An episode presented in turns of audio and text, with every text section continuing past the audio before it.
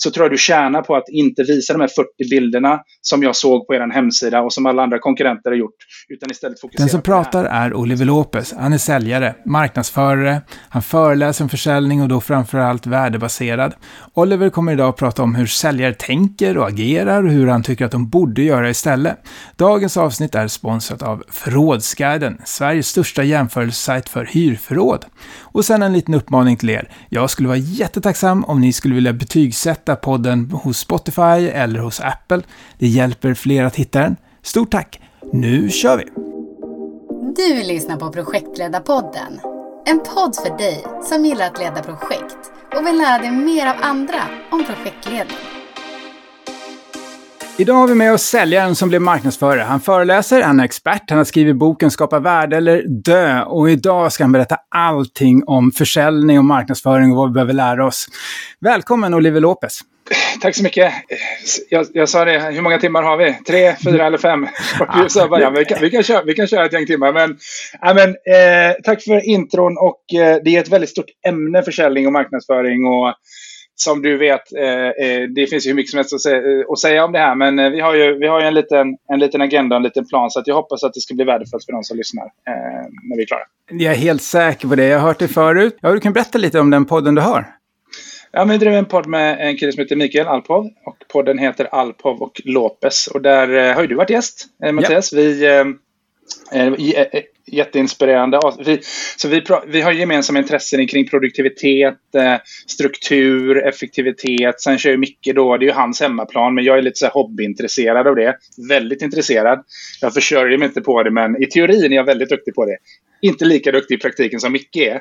Men sen så, eh, så kör han förutom då produktivitet och effektivitet så kör han ledarskap och jag kör då försäljning och marknadsföring. Så vi varvar varsitt avsnitt och sen däremellan försöker vi slänga in lite gäster som kan vara eh, inspirerande och intressanta. Precis som du var när du körde din, eh, din projektledaravsnittet med oss där. Så att, eh, ja men det är jäkligt kul. Eh, poddar är roligt. Mm, jag kan verkligen rekommendera den podden. Jag har fått mycket inspiration där. Men vi, vi går tillbaka. Det är ju Projektledarpodden. Och mm. vi som projektledare, vi blir ju ibland lite irriterade. Vi brukar säga såna här saker som, ja men du vet, det var den där säljaren. Alltså hur kunde de lova det här? För mm. läget är ju det att vi får ta över någonting. Säljaren och eh, någon key account säger, jo men du vet, det är klart. Vi har skrivit det här, nu är det bara att köra. Allting klart. Och sen kommer man in projektledare, man läser igenom det här avtalet som faktiskt inte ens är underskrivet än, utan de säger att det är klart, men faktum är att man inte är ens överens. Mm. Jag tänkte att vi skulle ta den här podden och bara börja från början. Vad är det som har hänt innan? Och kanske ska vi börja till med, med skillnaden på sälj och marknadsföring. Mm.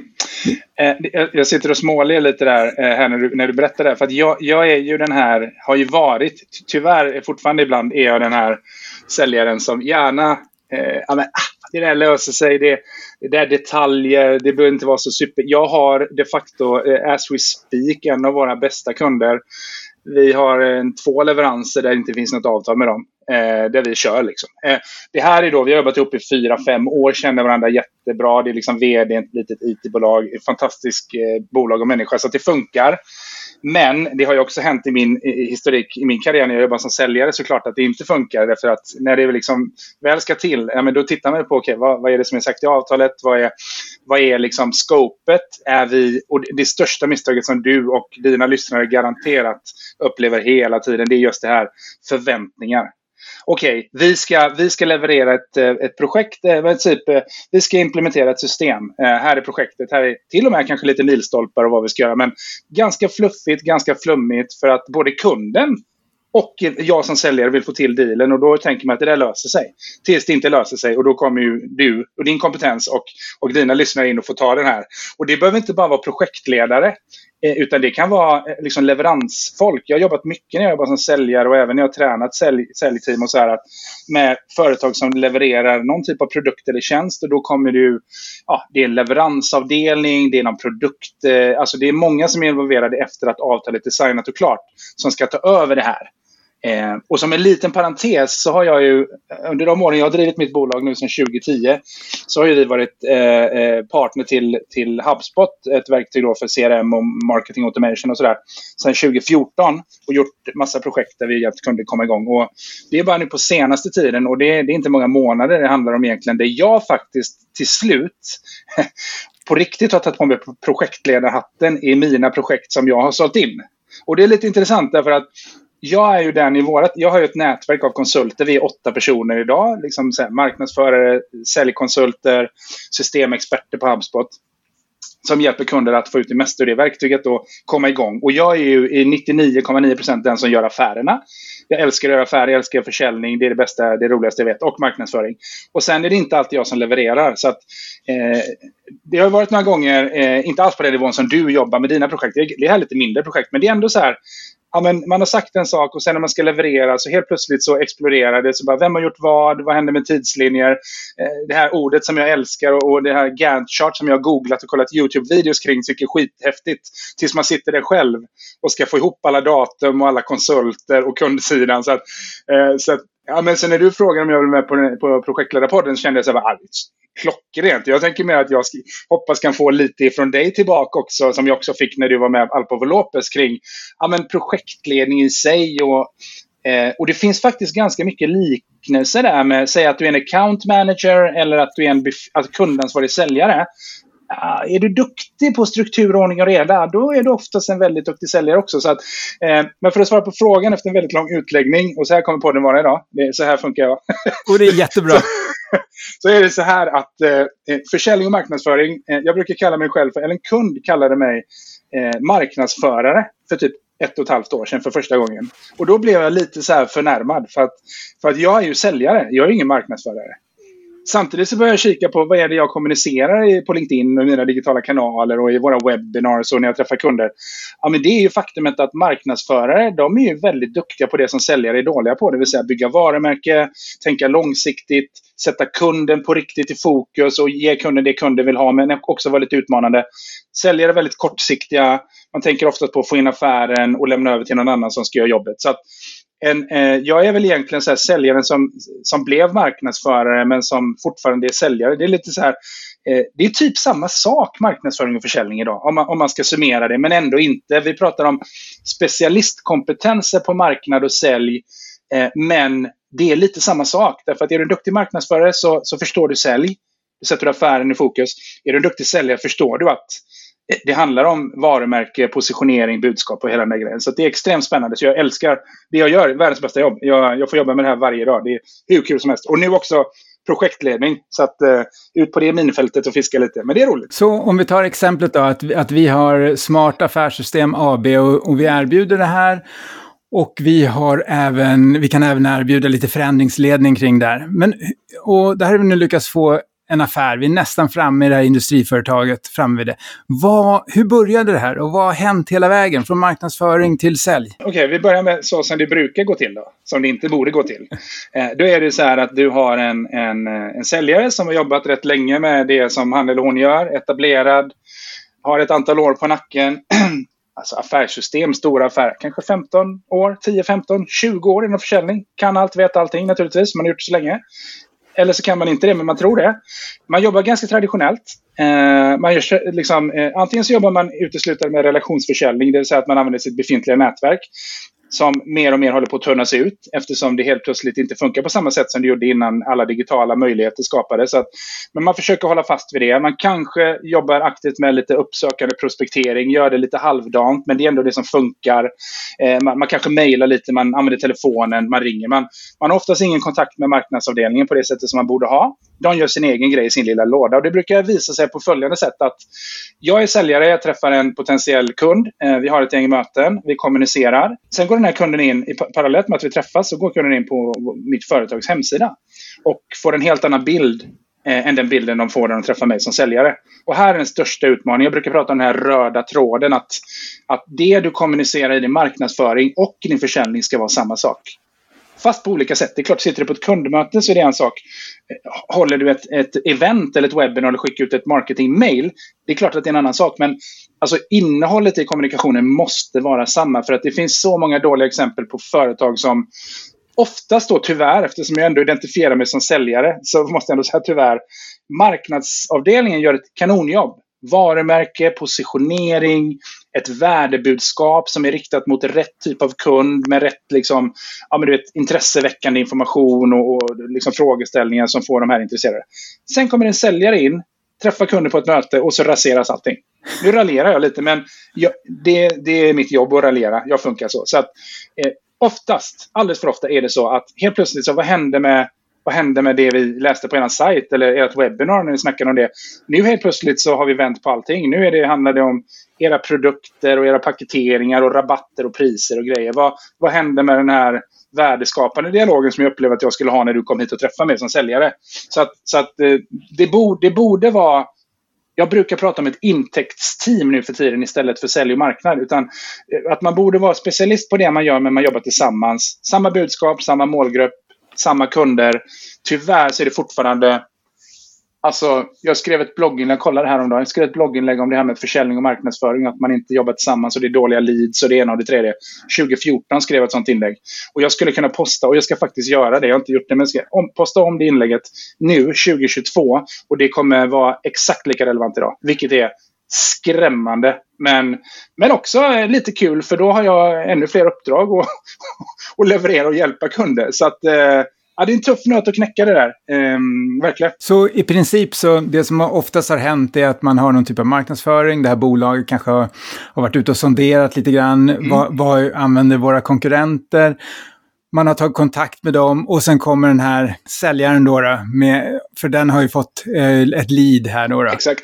Mm. Och sen, vad, vad, vad händer här? Och sen ska du få berätta, hur borde det vara?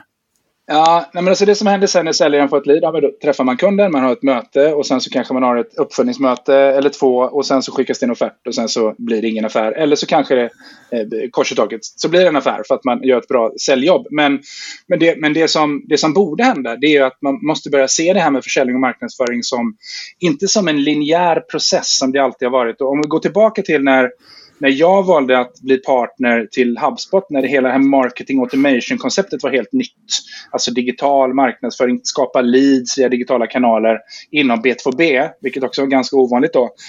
Då handlar det ju väldigt mycket om att identifiera en surfare som är inne på din hemsida, som gör XYZ, som blir poängsatt, som konverterar, fyller i sitt namn och telefonnummer, uppringd, telefon, äh, säljprocessen börjar och sen stänger man affären det som har hänt de senaste åren nu det är att det här är ju gått från att vara linjärt till att vara cirkulärt. Det vill säga att jag som säljare kan ju öppna en dialog med en kund och det är egentligen marknadsföring kanske. Medan marknadsavdelningen kan hjälpa mig att stänga affären när inte jag är där som säljare och på plats. Så det, det borde funka som så här att eh, företag behöver sätta sig ner och tänka så här, vem är min kund? Hur kan vi hjälpa dem? Eh, vilka processer stödjer vår kommunikation mot kunden så att de får det största möjliga värdet när de träffar oavsett vem av oss de är i kontakt med. Och eh, vem i vår organisation gör vad och hur ska vi mäta och utvärdera detta i någon typ av systemstöd eller verktyg. Så borde det funka. Så som det funkar idag det är att säljchefen köper eh, Salesforce eller Upsales. Bra svenskt CRM om man gillar CRM men inte tycker att eh, marknadsföring och varumärkesbyggande digitalt är lika viktigt. Du kommer märka nu att jag raljerar fullständigt här. Så det kommer bli väldigt uppenbart att jag är partner, inte till Upsales eller Salesforce av olika anledningar. Men oftast är det säljchefen som väljer dem. För det är ett klassiskt, ett, eh, ett stabilt, eh, tryggt val. Man har alltid gjort det. Jag, jag har liksom köpt många Salesforce liksom, kund, eh, kunder innan vi klev på som partner till HubSpot. Och så där. Jag har jobbat mycket Salesforce som säljare. Marknadsavdelningen, oftast väljer man då kanske HubSpot eller Marketo, lite mer Enterprise, lite större system på marknadssidan. Och redan där börjar disconnecten. Därför att man köper ett system som ska hjälpa er att lösa era problem. Ni köper ett verktyg som ska lösa problemen som är människor och processer. Det är liksom här vi börjar. Och där kommer jag eh, förhoppningsvis och, och tacksamt in tidigt nog så att vi kan liksom backa lite och fundera på vad är det vi försöker göra för någonting här? Vad är det vi ska åstadkomma? Eh, inget system i världen, inte HubSpot heller, kommer lösa det här problemet. Utan vi måste tänka till. Vart är vi, vart är vi på väg?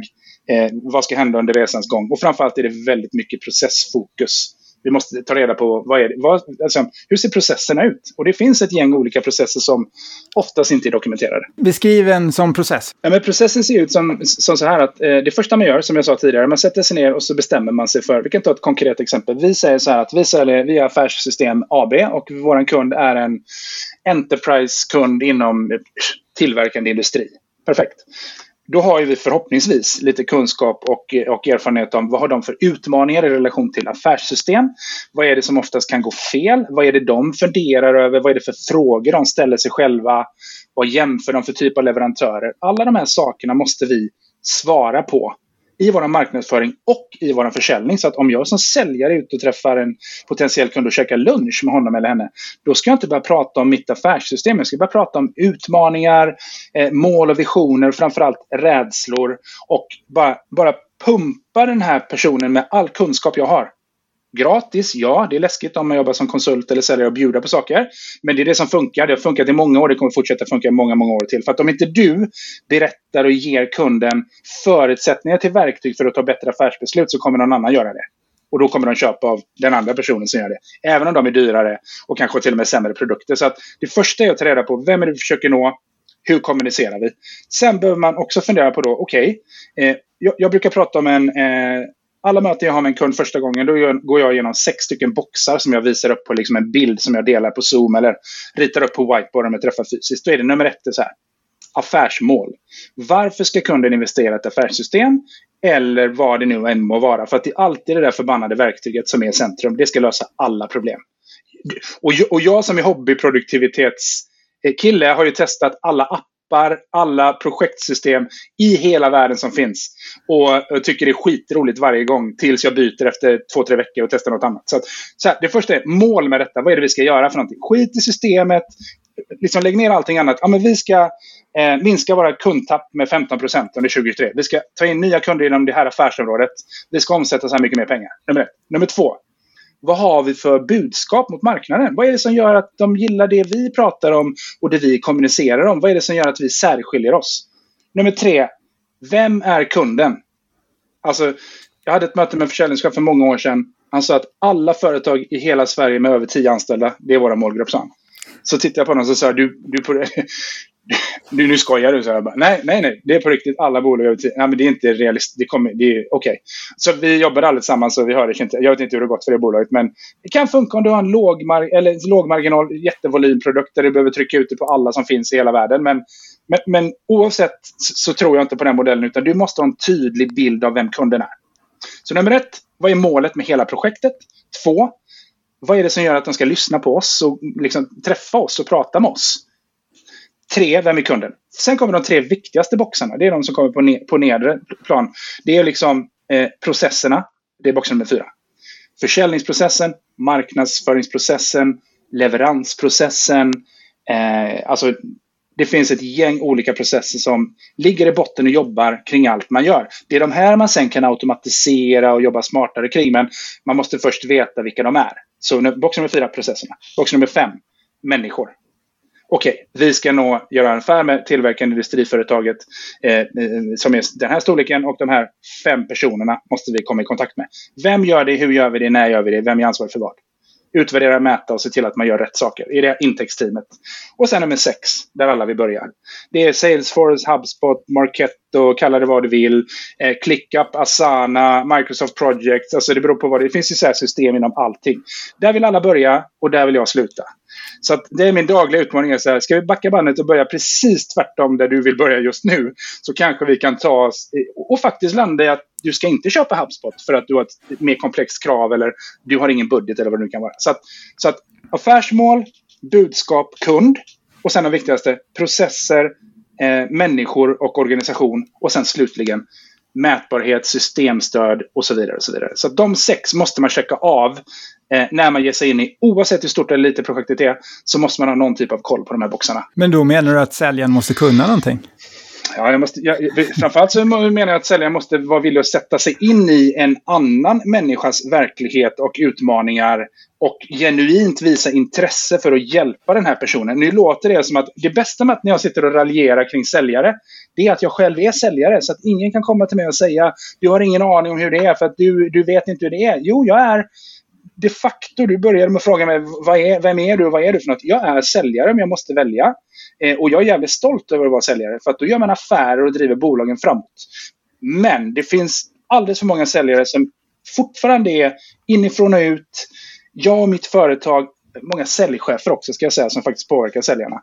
Det här handlar om produkten och tekniken och alla features så här får du rabatt. Liksom. Det är ingen som bryr sig ett dugg om det innan du har skapat en, en relation som du har förtjänat. Så att, ja, du måste kunna, du måste vara påläst och du måste ha samma agenda som marknadsteamet har och som Customer Success som man slänger sig med modernt, som egentligen kundserviceorganisationen.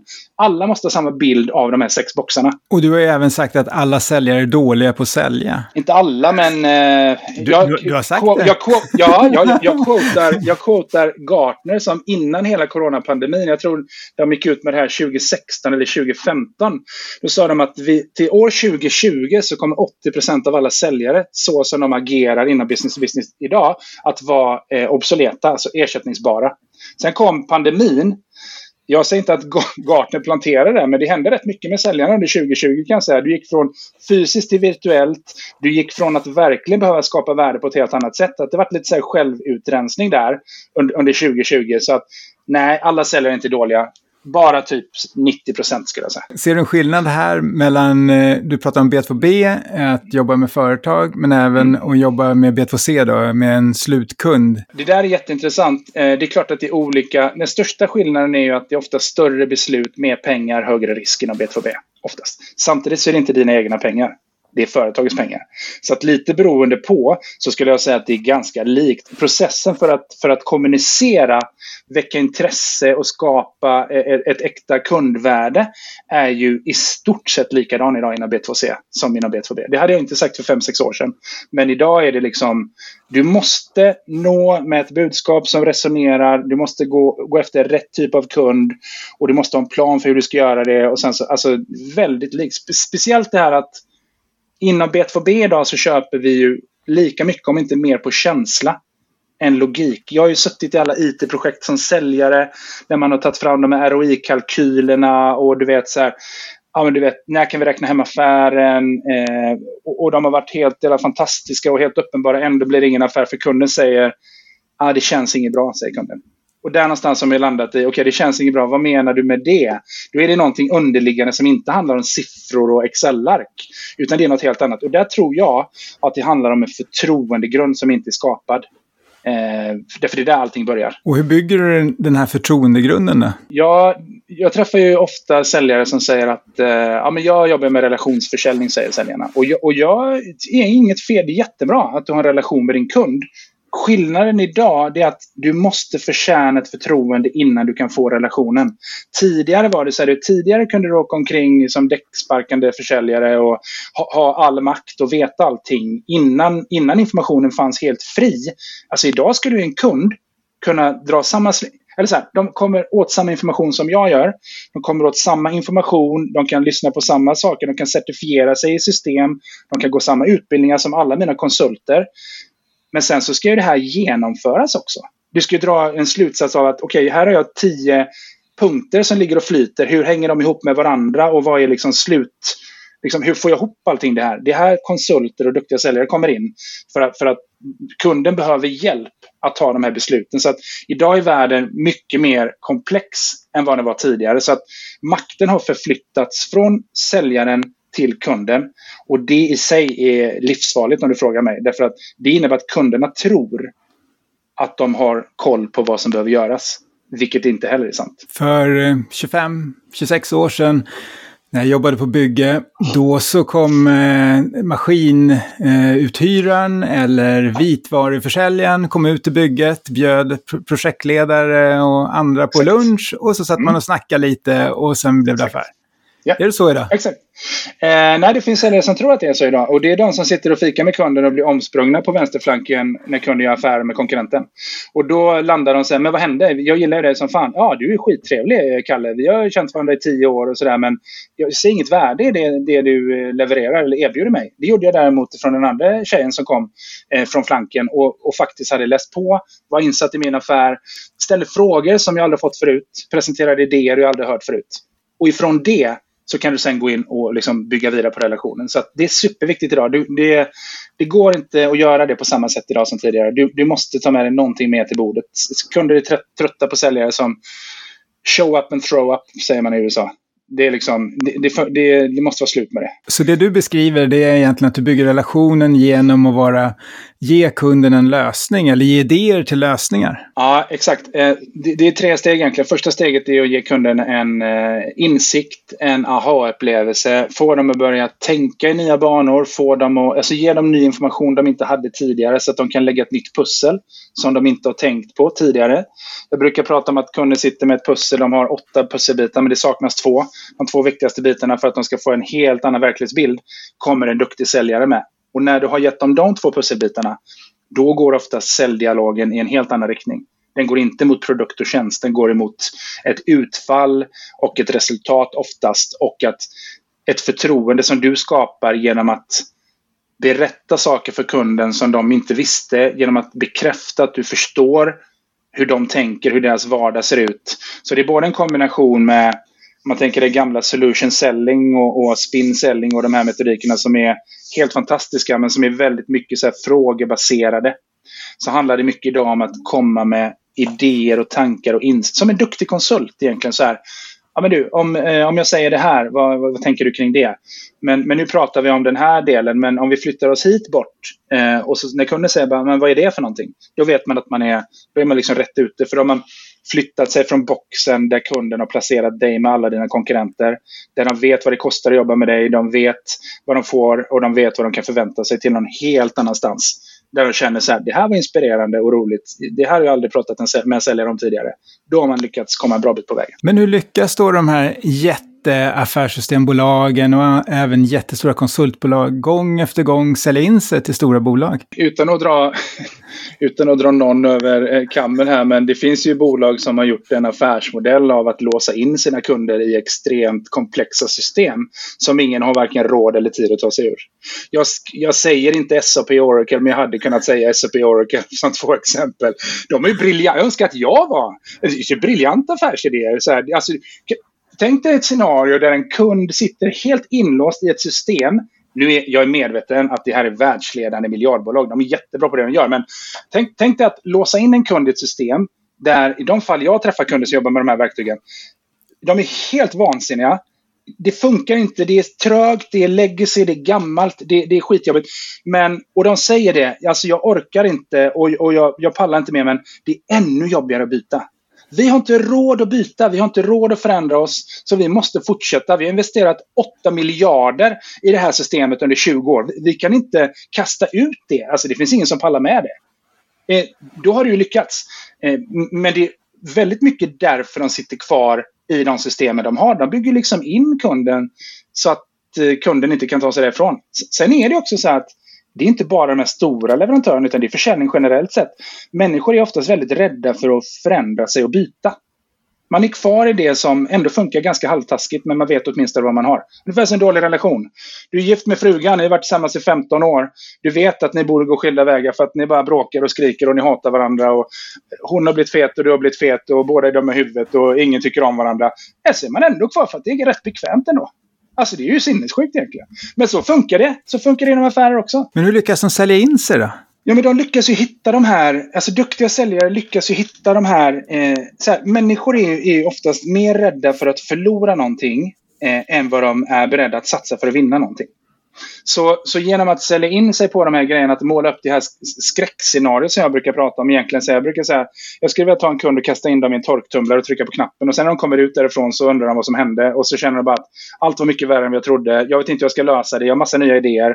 Jag vet inte hur jag ska ta mig dit. Så första steget på att komma in i, i, hos en ny kund och byta ut ett system, det är ju att inte prata om systemet utan det är att prata om allting som ledde till systemet. Det är att prata om, men, om du fick välja en perfekt värld, bortsett från system, hur skulle verksamheten funka? Vad är det som inte funkar? Processer, människor, ja det är också en utmaning jag har. Men, okay, men låt oss börja där och sen titta på var vi landar. Så att det sämsta du kan göra det är att gå eh, head-on mot befintligt system och jämföra. Eh, du vet, det finns ingen säljare, få säljare som har ersatt de här stora affärssystemen på pris för att kunder köper något billigare. Det är inte det det handlar om. Därför att det är inte billigare att byta till ett mindre CRM än SAP till exempel, eller affärssystem. Därför att alternativkostnaden till att byta ut SAP, alltså du kan ge bort ditt system gratis. Det är inte det det handlar om. Det handlar om, pallar jag med det här projektet på tre år för att plocka ut det här systemet som jag egentligen inte tycker om?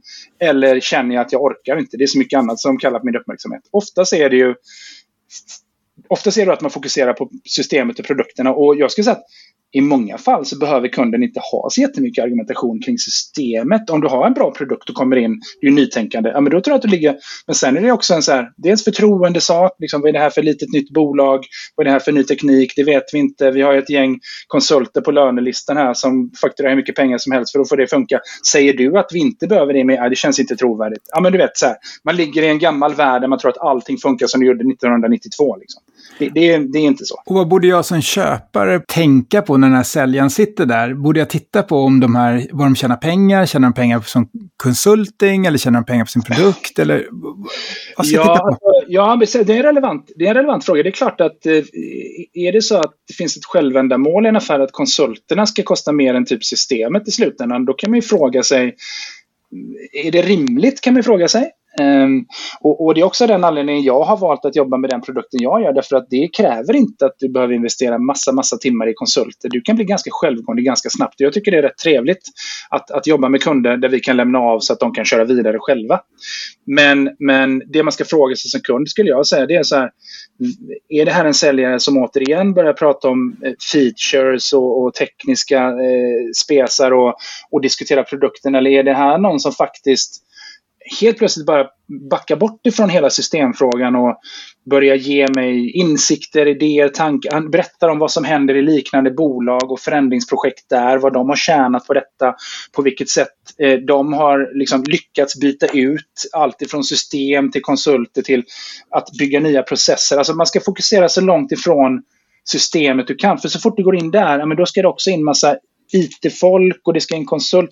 Sen sitter det någon som har det här som förmodligen kommer bli av med jobbet om du byter ut mot ett enklare system. Någon har ju ett, ett existensberättigande i att sitta i de här stora systemen och skruva på grejer och göra uppdateringar. Eh, jag brukar säga likna vid, ja, men, typ har en Wordpress-sajt. Så nu är jag väldigt subjektiv och väldigt i mitt, i mitt eget intresse här. Eh, men det får jag vara då. Det är disclaimer eftersom jag säljer HubSpot. Men en Wordpress-sajt behöver ju uppdateringar. Det är massa plugins. Det är ganska mycket säkerhetshål. HubSpot har en lösning som är ganska ny på marknaden som också är ett CMS som är som Wordpress. Eh, stängd miljö, liksom inte massa säkerhetsluckor, enkelt att hantera. Men det är två olika kundgrupper. Den som vill fixa och trixa och göra mycket själv väljer Wordpress. Den som känner att jag vill ha en hemsida som konverterar, kan generera affärer till mitt bolag, som inte är så komplext ja, men då väljer de till exempel HubSpot eller något annat sånt CMS-verktyg. Så jag tror att man behöver landa diskussionen med säljaren eller vänta på vad säljaren säger. Och om det är en säljare som går in med en helt annan approach än att prata system, då ska man nog lyssna lite mer. För då är det någon som har gjort hemläxan och som tänker att jag ger inte mig in i den fighten innan jag förstår vad som ligger bakom eh, och hur vi kan ta oss därifrån. Och nu har vi jätteförtroende för Oliver här. Eh, och då säger du, ja men det är inte jag som kommer att hålla det här projektet sen, utan vi kommer ta in en projektledare och vi kanske måste få ner en del detaljer i det här avtalet. Vad mm. händer här? För här brukar det gå fel. Ja, eh, så är det. Eh, det är två, det är två delar på det här myntet. Dels är det ju jag tänker så här, dels är det att, eh, klassiskt om man jobbar som konsult att jag säljer in, jag gör affären, de gillar mig, eh, vi har en bra relation och sen är det inte jag som ska leverera grejerna. Det är första så här, vad händer nu? Ja, men vi vill ju att du ska leverera det här. Ehm, och där har jag lyckats ändå vill jag säga de senaste åren, nu får man ha med respekt att vi är åtta personer, vi är ett litet bolag. Det är inte så att vi jobbar med SAP-projekt liksom. Så att det är en helt annan grej. Men i våran lilla plaskdamm som jag brukar säga så, så är det ju ändå så att jag har lyckats ändå någonstans att bygga ut med att eh, jag, jag berättar ganska tidigt om hur vi jobbar, eh, hur, hur vår konstellation ser ut om det är så att man väljer att jobba med oss. Att det finns specialister som är duktiga på olika saker, att man då får tillgång till hela den kompetensen om man väljer att jobba med mig eller med oss då. Sen kravspecen och sådär, ja men det kan jag vara helt ärlig och säga att där har ju varit en utmaning för, för mig, precis som många andra som kanske har väldigt mycket sälj i sig. Att, att det har ju varit lite så här, ah, det där det där löser vi och levererar ju. Och, och, och, och det, det, finns ju ett antal kundprojekt som man inte är superstolt över. De är inte så många, men de finns ju. Där, där kunden känner bara, ah, men vad är det här liksom? Det var inte alls det du lovade. Så att, eh, men där har ju också skett en liten förändring och det viktiga här tror jag som jag bara märkt sista tiden när jag då faktiskt har gått in och börjat agera projektledare för oss eh, på riktigt och inte bara kolla YouTube-videos eh, utan faktiskt jobba med det själv. Eh, sjuk respekt för projektledaryrket ska jag säga för alla er som lyssnar. Eh, alltså just det här att jaga, dra i folk som inte levererar, eh, att vara missförstådd i allting och folk är, de blir bara irriterade när du ringer och jagar dem för att de har så mycket annat.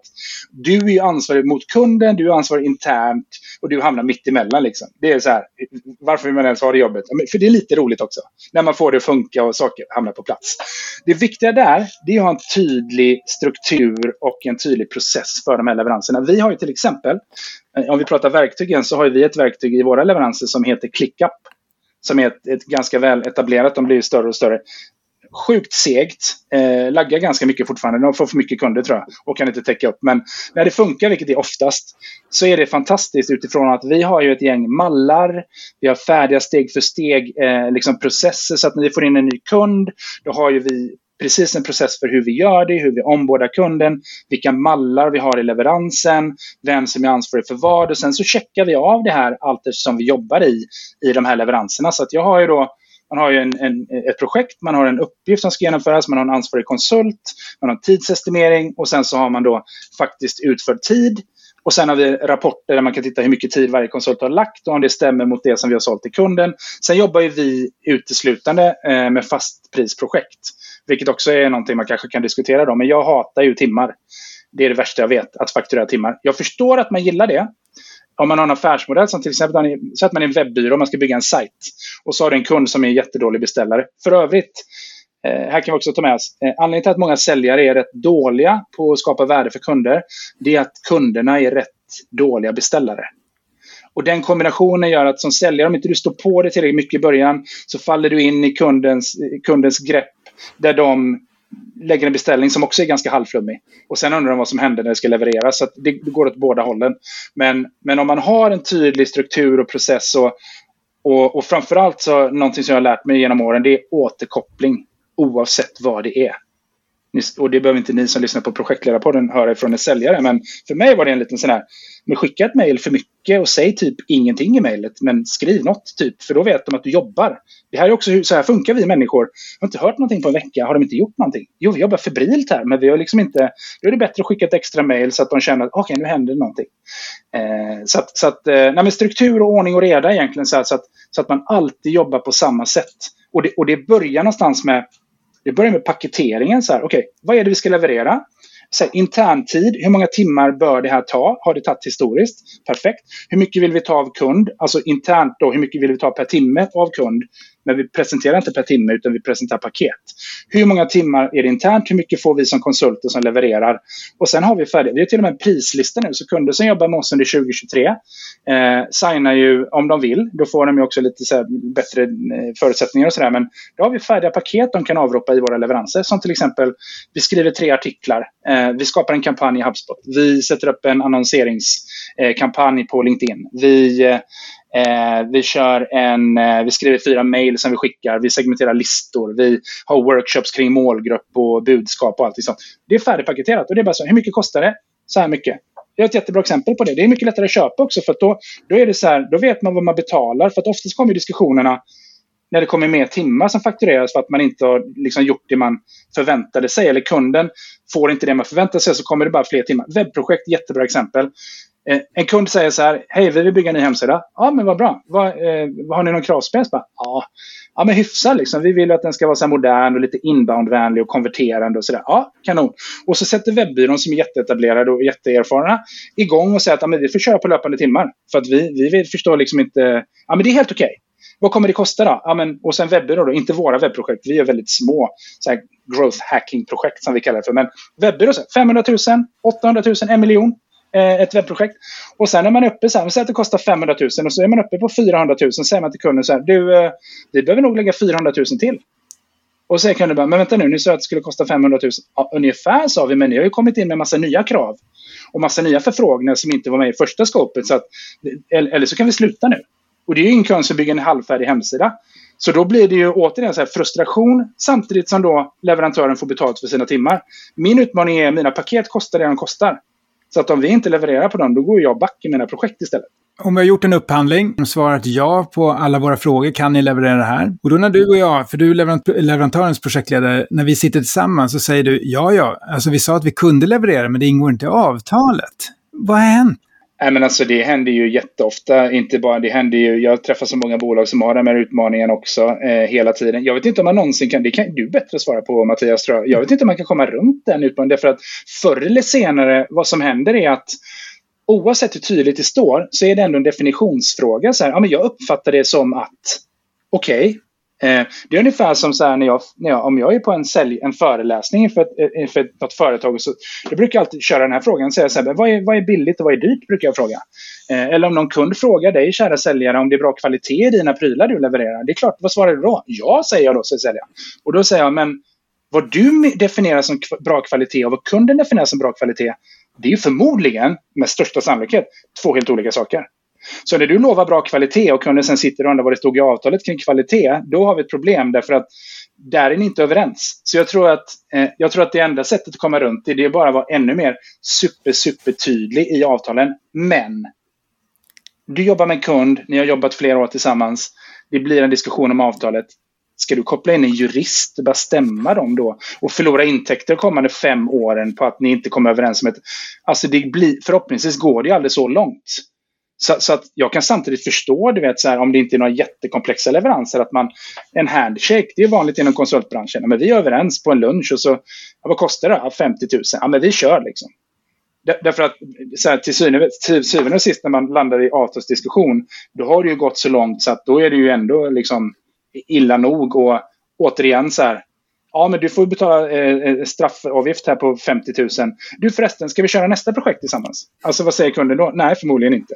Så den är skitsvår som konsult eller projektledare eller leverantör. När du säljer in ett fastprisavtal och sen ser du att kunden bara begär mer och mer och mer. Mm.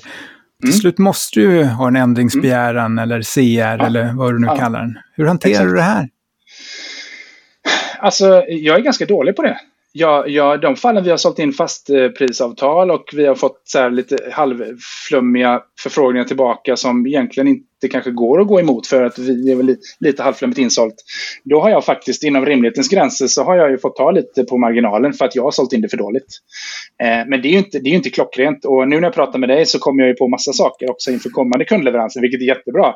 Att det ska ju bara specificeras extremt tydligt i avtalet att allting som går utanför scope, eh, vilket är detta, och det som inte står med i de här punkterna är utanför scope, det är, liksom, det är en ny offert. Så står det inte, utan vi har bara scopet och sen så tolkar man det. Och sen har ju vi, det är alltid så i projekt, det finns ju saker som är närliggande som skulle kunna vara en del. Eh, men det är vi ganska bra på. Det, många konsulter som inte är säljare är, är rätt dåliga på det. Därför att de, de tänker sig jag sitter ändå hos kund. Jag har ändå lagt fyra timmar. Jag kan väl köra två timmar till. De behöver ändå hjälp med det. Och så frågar säljaren i projektet. Ja, perfekt då. Vart skickar jag fakturan? Nej, men fan, jag satt ju ändå där så jag gjorde jobbet. Bara, nej, nej, nej, säger säljaren. Du måste ju ta betalt för extra tiden. Du kan inte bjuda på det. Så, att, så det är en utmaning. Det är en balansgång. Jag har varit i flera projekt där faktiskt säljaren har satt ett för lågt pris. I slutet innan affären ska stängas så kommer kunden och säger att eh, men du får affär men du måste sänka 10% eller 15% Och sen så får man ett projekt som inte kan leverera för att de sitter så tajt, det blir ett dåligt projekt. Hur undviker ja. man det här? Eh, det är jättevanligt. Eh, det är oftast ett så här, jag menar, har, har kunden, om kunden köper din produkt och tjänst och vill prisa ner den för att köpa det billigaste alternativet. Då brukar jag säga att eh, nej men alltså vi, eh, jag menar, vi har kommit så här långt. Jag har sagt att det här är valet ni har gjort. Ni har liksom, vill köra med oss. Ni tycker det är en bättre produkt. Eh, ni gillar oss mer. Varför ska jag sänka priset 15% Vad tjänar det till? Jag kan sänka priset 15 Vilken, var i leveransen vill att jag plockar bort saker vi ska göra som motsvarar de här 15 procenten? brukar jag fråga. Då. Eller kunde säga så här, men kan du sänka priset 30 procent? Absolut. Vilken tredjedel av leveransen vill du ha bort? Och då blir han så här, vad menar du med det? Nej, men det är klart du kan sänka priset, men du kan inte få samma leverans för en tredjedel mindre pris. Alltså det är bara att vara väldigt tydlig och, och så här att just det här med prissänkning är oftast en indikation på att du inte har skapat tillräckligt mycket kundvärde när den kommer. Och eh, tyvärr i många fall så är det så att du kanske inte ens får affären om du inte sänker priset tillräckligt mycket utan de benchmarkar det mot någon annan som de sänker priset på och så går de med dem istället. Så det där är en liten så här, det är en lurig, eh, jag sänker inte priset. I de fall jag behöver sänka priset så gör jag inte det utan det gör jag någonting i leveransen istället. Man brukar göra en skillnad mellan pris och värde. Lyckas du med det någon gång? Jag försöker eh, hamra in det i, i allt jag gör, eh, både i våra egna leveranser och även mot kunder. Att, jag brukar säga att pris är det du betalar och värde är det du får. Och det handlar om ett gap däremellan. Om det är så att kunden ser en, ett litet värde i det du levererar, ja då betalar de ett lågt pris.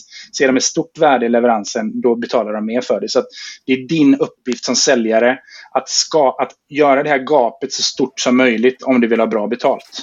Därför att om du inte kan, lyckas du inte med det, då hade jag inte heller betalt mycket som kund om jag inte ser ett värde i det. Du har ju skrivit boken Skapa värde eller dö. Vad menar du med det?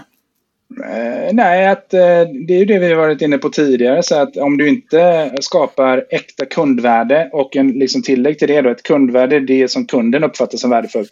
Inte vad du tror är värdefullt som säljare, för det är två helt olika saker. Eh, skapar du inte äkta kundvärde så kommer du dö. Alltså billigt talat. Du kommer ersättas av, alltså vi lever i en tidsålder nu där, där kunder på riktigt tror att de kan köpa vad som helst online utan att behöva säljare. Eller kanske projektledare eller någon alls för att vi sköter allt. Allt finns på nätet. Och det är inte sant. Därför att eh, om det vore så så skulle ingen säljare, inga företag eh, ens ha personal. Då skulle man bara automatisera allting. Och så är det ju naturligtvis inte. Och det beror ju på att ju mer information som finns där ute, desto svårare är det att ta beslut. Ju mer information du får kring en fråga, om du inte kan och expert, desto svårare blir det att ta beslut. Så vi behöver prata med någon som hjälper dig med det. Så att, att om du inte skapar, om du inte differentierar dig från alla andra säljare där ute, vilket är relativt enkelt i början. Det är relativt, det är liksom, håll igen på den där produktpitchen. Visa inte den där slidesen med era kundreferenser på första mötet. Eh, skicka inte tredje LinkedIn-mailet eh, där du gör, kör en demo på din produkt inspelad när jag inte svarar på dina första två LinkedIn-mail. Det är jätteenkelt egentligen. Utan när du får kontakt med kunden och de känner att ah, men det här är intressant.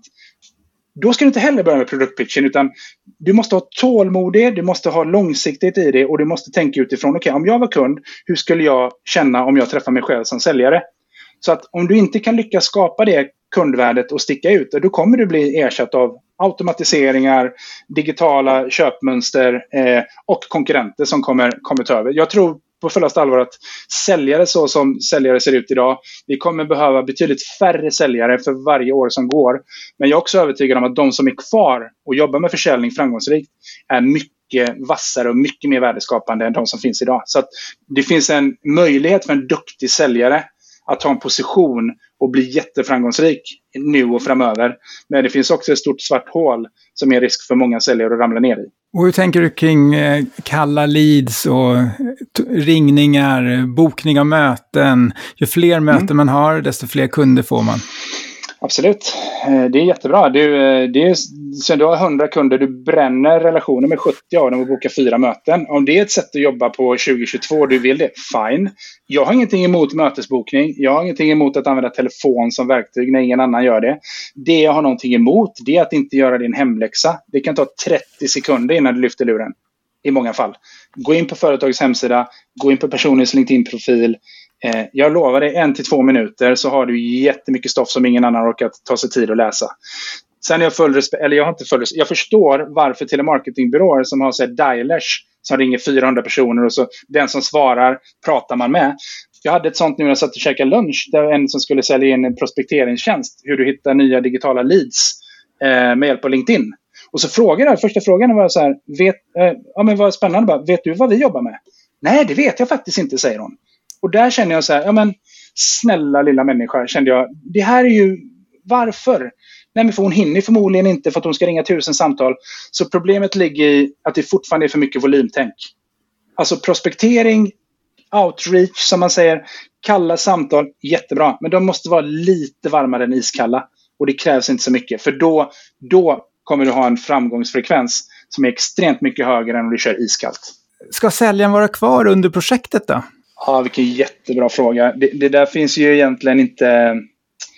jag tror ju, och alla tycker inte som jag, jag skulle säga att det är tudelat, det är nog 50-50 där beroende på vem man pratar med som jobbar inom sälj, men jag tror ju ganska mycket på specialistroller. Så jag, jag, tror att du är, och nu ska vi inte jämställa det med det här, eh, de här SDR-erna, Sales Development-rollerna och BDR och allting som, som jag pratade om för sju år sedan och försökte till och med jobba med bolag kring det här. Eh, men det har kommit upp nu, det är liksom nya Silicon Valley i Stockholm.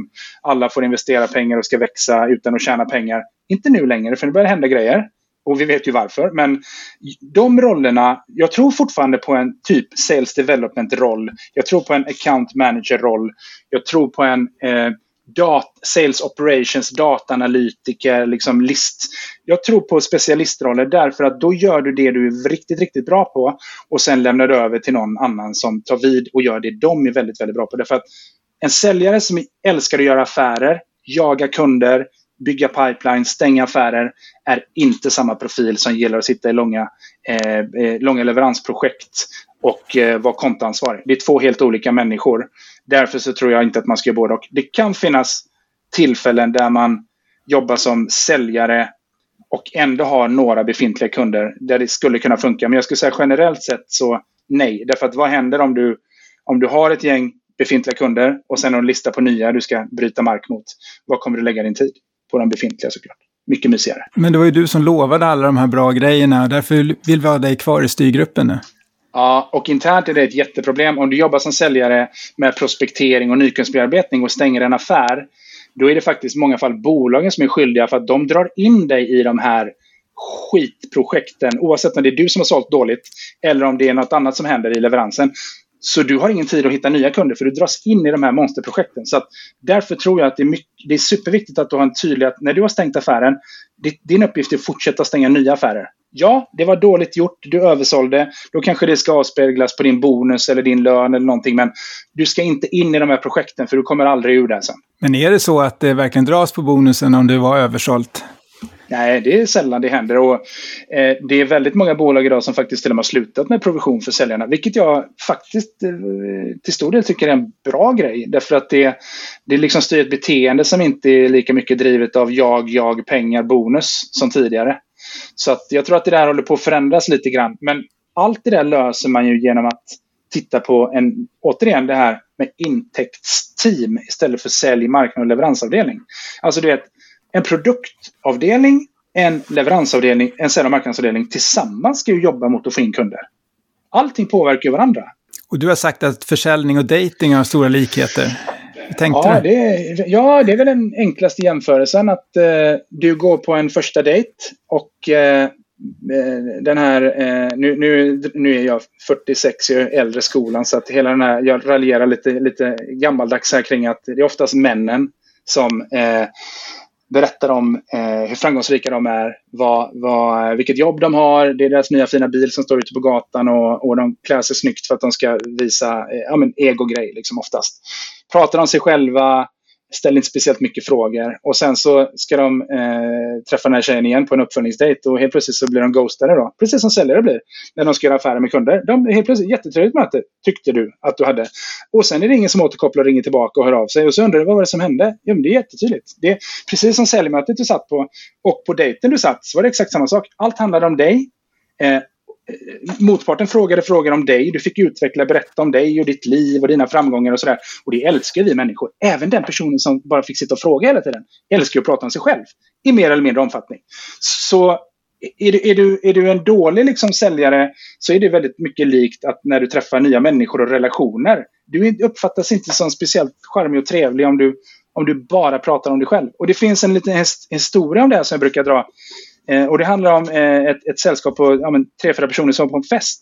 Och så träffas de dagen efter på, på ett café och pratar lite om festen och så är det en som säger så bara vad, Snackar ni med han, eh, han killen, han i röd, eh, i röd skjorta? Ja, ah, det gjorde jag. Skittrevlig liksom. Ah, vad, vad hette han? Bara, Nej, jag vet inte, säger en av de andra som är vad, Vet du om han kände Johan som, som hade festen? Ah, jag vet inte, jag har aldrig träffat honom förut, men eh, han var jäkligt trevlig. Jag hade skittrevligt hela kvällen med honom det, och summa summarum i det här var så att det slutade med att ingen visste vem han var. Ingen visste vem han kände. Ingen visste ens vad han hette. Men vad hade killen gjort hela festen och hela kvällen? Ställt frågor och pratat om andra. och ingenting om sig själv. Och med resultatet att skittrevlig kille, men inget vet någonting om honom. Ingen vet något om honom. Och det är exakt så här en duktig säljare agerar i ett första kundmöte. Det är så här, det handlar inte om mig. Du behöver inte veta någonting om mig. Du, liksom, jag kan slänga in lite så kommentarer, lite insikter och lite så idéer som kan vara värdefulla. Men det handlar ju om dig i det här mötet. Och om du känner det, då har jag skapat förtroendet. Efter det kan vi gå in i den klassiska säljprocessen. Men du måste förtjäna det. Och det gör det genom att låta det handla om allt annat än dig själv. Har du fler tips eh, på vad en kund ska tänka på när den har att göra med en säljare? Alltså, ja, alltså jag tycker att en kund, eh, det är väldigt viktigt för en kund att ta reda på om det finns någon kompetens och någon erfarenhet och, och någon vilja att hjälpa. Det är liksom det viktigaste. Det låter väldigt banalt, men, men eh, jag menar, man skulle ju som kund och det är också så här, eh, vi måste hjälpa varandra i det här. Eh, eh, en kund som sitter på ett möte och börjar lyfta upp datorn och knappa på skärmen när en säljare går igenom sin 47-sidiga PowerPoint-presentation.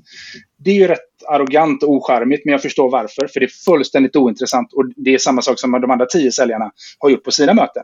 Men där skulle man som kund kunna säga bara, du, eh, Ja, jättebra, jätteintressant. Så här. Men du, bara för att vi ska få ut det mesta ur det här mötet så jag skulle vilja eh, veta det här, det här och det här. Skulle vi kunna prata lite om det? Och liksom styra den här stackars säljaren som det faktiskt handlar om. Det är inte alltid de är onda och, och har stora egon. De, de, kan inte bättre för de är lärda på det här sättet av försäljningscheferna. Styr dem i rätt riktning och berätta vad du vill prata om istället. Eh, då tror jag att du kan hjälpa en del säljare. Så att, men som kund så är det ett bra sätt att testa. Du, du kan ganska snabbt när de börjar dra upp sina presentationer och sina referenser, då vet du bara okej. Okay. Och det, jag har varit med på möten där, där kunder har brutit mötet efter tio minuter och sagt, vet du vad, jag, inte, jag hade ett annat möte nu, vi får bryta nu. Liksom.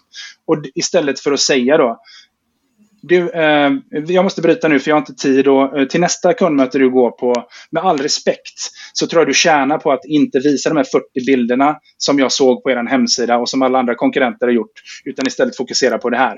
Det skulle faktiskt hjälpa många säljare att liksom säga, oj shit, okej, okay, konstruktiv kritik istället för den här skitbra, jätteintressant möte, vi hör av oss och sen så hörs man aldrig igen. Liksom. Den här rädslan för att liksom konfrontera och vara, vara ärlig. Jag är ju, älskar ju tydlighet och ärlighet. Eh, det är liksom, jag tror det är en bra, en, en bra grej. Liksom. Testa bara. Kan den här personen någonting?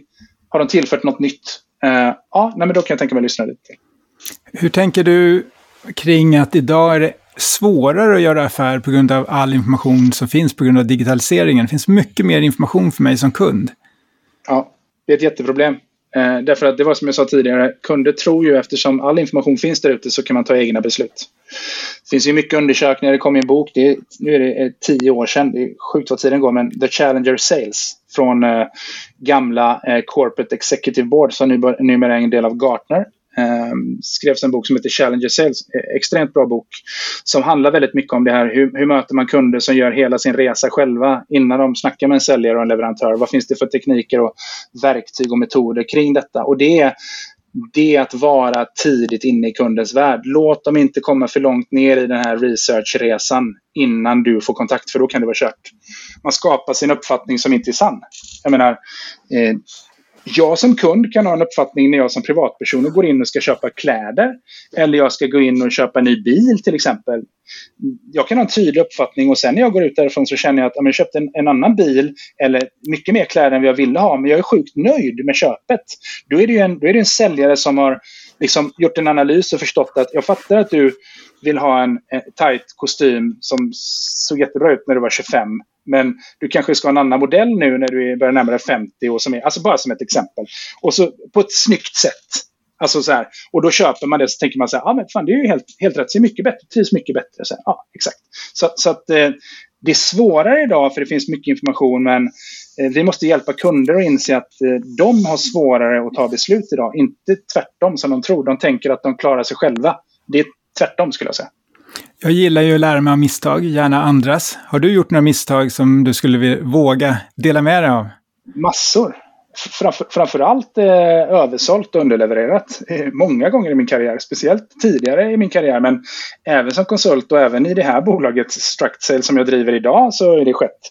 Eh, lärdomen där är ju verkligen så här att jag förstår att man kan känna sig lockad av och, av att inte vara för detaljerad och tydlig i vissa saker för att bara få en kråka på avtalet, för det där löser vi sen. Men lite beroende på på vilken nivå det är så, så kan det ha väldigt negativa effekter i slutändan. Jag har ju sett det själv, liksom förstahandsinformation på vad det kan leda till. Så att, eh, för ostrukturerad eh, kanske. Eh, också lärt mig vad är det mer för misstag jag har gjort? Eh, jo, men jag har ju den, liksom, inte så mycket nu längre, man börjar bli äldre, man får lite mer nyans på allting. Men tidigare så har jag varit en, jag är ganska tydlig och rak och ärlig och vad jag tycker och tänker. Men jag har haft det var inte så länge sedan, kan det varit fem år sedan kanske någonting. Jag hade kundcase när jag skrek på kunden i telefon och, och, och var helt vansinnig för att de var helt, alltså, på riktigt tyckte jag att de, nej men alltså de hade behandlat, du vet min personal och, och, de, och de var ju så här, det var speciellt en person där som var, så min dåvarande delägare i bolaget, hon fick ju sparka ut mig från konferensrummet och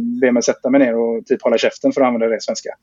Eh, så den har blivit bättre, så att oavsett vad du tycker och liksom visa inte det är aldrig bra att bli eh, förbannad och irriterad och uppretad. Även om kunden är fullständigt ute och cyklar så handlar det liksom. Det är någonstans är det så här.